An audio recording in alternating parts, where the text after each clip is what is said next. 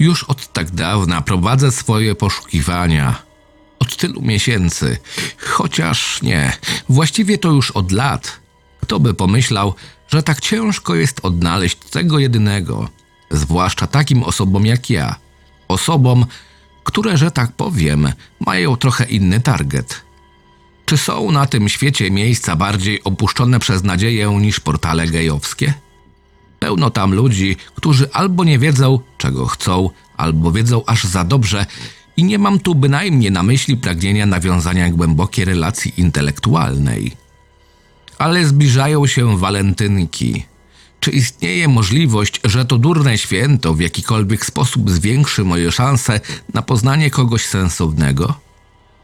Trzymając się kurczowo tej myśli, prowadzę właśnie przegląd Tindera. Choć przyznaję, że moja wiara w sukces nie jest przesadnie wielka. Jednak w końcu następuje ta chwila, w której zastygam momentalnie, jakby kopnął mnie prąd. Ujrzałem to zdjęcie, jego zdjęcie, tego jednego. Tak, to on, na sto procent. Wymarzone, po prostu idealne rysy twarzy. Pięknie zarysowane mięsiste usta, duże, szafirowe oczy, lśniące, kasztanowe włosy z uroczą grzywką i subtelny zarost podkreślający całokształt urody. Nikogo lepszego nie mógłbym sobie wymarzyć, ale przecież jakże doskonale znam tę zależność. Im bardziej facet mi się podoba, tym bardziej będzie miał mnie gdzieś. Doskonale zdając sobie z tego sprawę, klikam na serduszko pod zdjęciem. Już mam przechodzić do dalszej penetracji portalu, kiedy ku mojemu przeogromnemu zaskoczeniu otrzymuję informację. Jesteście parą. To nic nie znaczy. Ta myśl zjawia się w mojej głowie niczym fala szarej, ponurej mgły. Przecież masz już dziesiątki par, z większością tych gości nie zamieniłeś nawet słowa. Ale z nim jest inaczej. Diametralnie inaczej. Gada nam się po prostu zajebiście. Okazuje się, że mamy wspólną pasję, jaką jest malarstwo. Przesyła mi kilka zdjęć swoich obrazów. Są magiczne. Oczarowują mnie. Jego ulubionym kolorem jest czerwień. To niewiarygodne, jak się nią posługuje. Boże, jakież to są dzikie odcienie. Nie mogę oderwać od nich wzroku. Mógłbym patrzeć godzinami. Ta głębia barwna pochłania mnie i przenosi do innego świata. A to przecież tylko zdjęcia. Na żywo muszą robić jeszcze większe wrażenie. Zresztą podobnie jak ich twórca. Po blisko trzygodzinnej konwersacji doszliśmy do jednogłośnego wniosku, że koniecznie musimy się spotkać. Moja radość podwaja się, a może raczej potraja, gdy okazuje się, że mieszkamy w tym samym mieście, czyli w Krakowie. Niezwłocznie ustalamy termin spotkania na dzień walentynek na godzinę 13 pod kościołem maryjackim. Jesteśmy absolutnie zgodni co do tego, iż nie ma lepszego sposobu na spędzenie tego dnia, aniżeli spacer po starym mieście. O umówionym czasie czekam w ustalonym miejscu. Zjawia się punktualnie. Teraz na żywo dostrzegam wszystkie jego pozostałe walory fizyczne poza twarzą. Jest wysoki ma bardzo ładną, wysportowaną sylwetkę. Oprócz tego jest inteligentny, uzdolniony artystycznie. Po prostu facet idealny. Na początku jesteśmy trochę skrępowani, ale to szybko mija. Rozmawiamy ze sobą, jakbyśmy znali się od lat.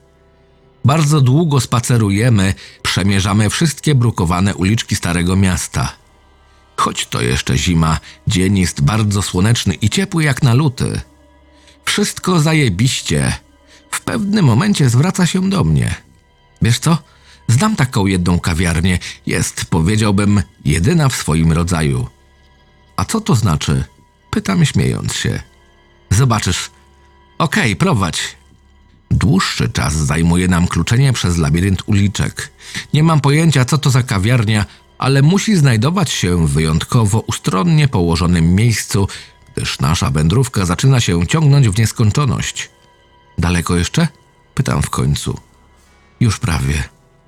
Po paru minutach naszym oczom ukazuje się w końcu owa kawiarnia. Wygląda dosyć ciekawie. Drzwi i framugi okien z bardzo ciemnego, ładnego drewna. Ściany z równie ciemnego marmuru. Ale co dziwne, nie ma żadnego szyldu. Skąd przechodnie w ogóle mają wiedzieć, że to kawiarnia?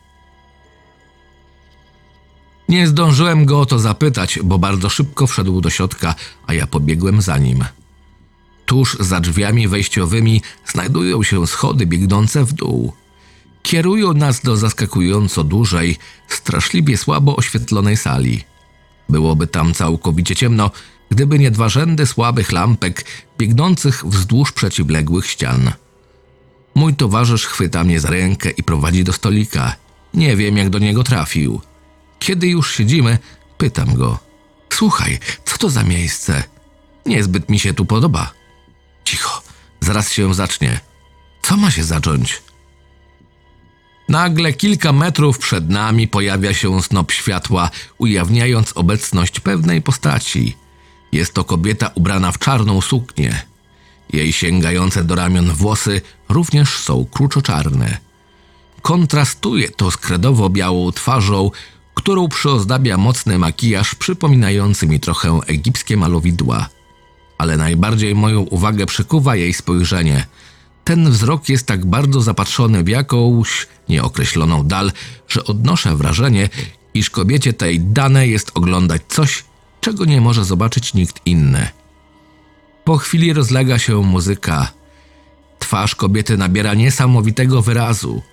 Zaczyna śpiewać. Ekspresja zarówno jej twarzy, jak i głosu jest tak olbrzymia, że odbiera mi mowę i nie odzyskuje jej aż do końca występu. W całej sali rozbrzmiewają gromkie oklaski, a ja niespodziewanie coś sobie uświadamiam. Ta myśl sprawia, że zamieram i tracę czucie w ciele.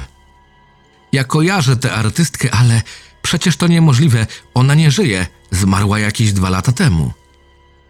On uśmiecha się łagodnie i spogląda na mnie tymi swoimi ślicznymi oczami, a potem mówi: Mówiłem ci, że ta kawiarnia jest jedyna w swoim rodzaju, a to dlatego, że mogą odwiedzać ją zarówno żywi, jak i zmarli. Personel akurat składa się wyłącznie ze zmarłych. Rozejrzyj się. Dopiero teraz zauważam snujące się wokół postaci. To chyba kelnerzy.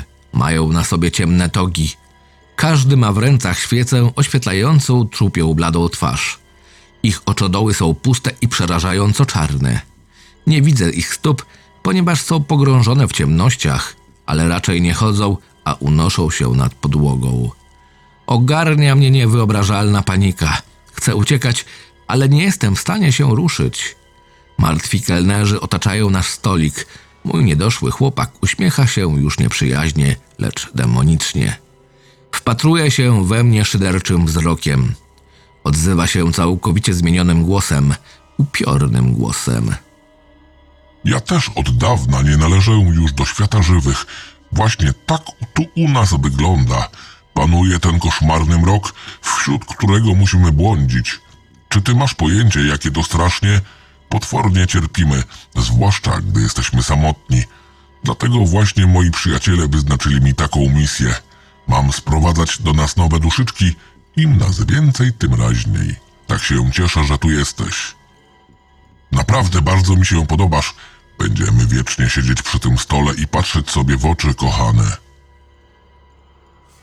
Zjawy wokół mnie już są bardzo blisko i zaczynają muskać moje ciało swoimi obrzydliwymi, zimnymi łapskami. W dodatku paskudnie ryczą. Ginę wśród nich niczym w kłębowisku węży. Ale na sam koniec chcę wam powiedzieć coś bardzo ważnego. Błagam, uważajcie z kim umawiacie się na Tinderze.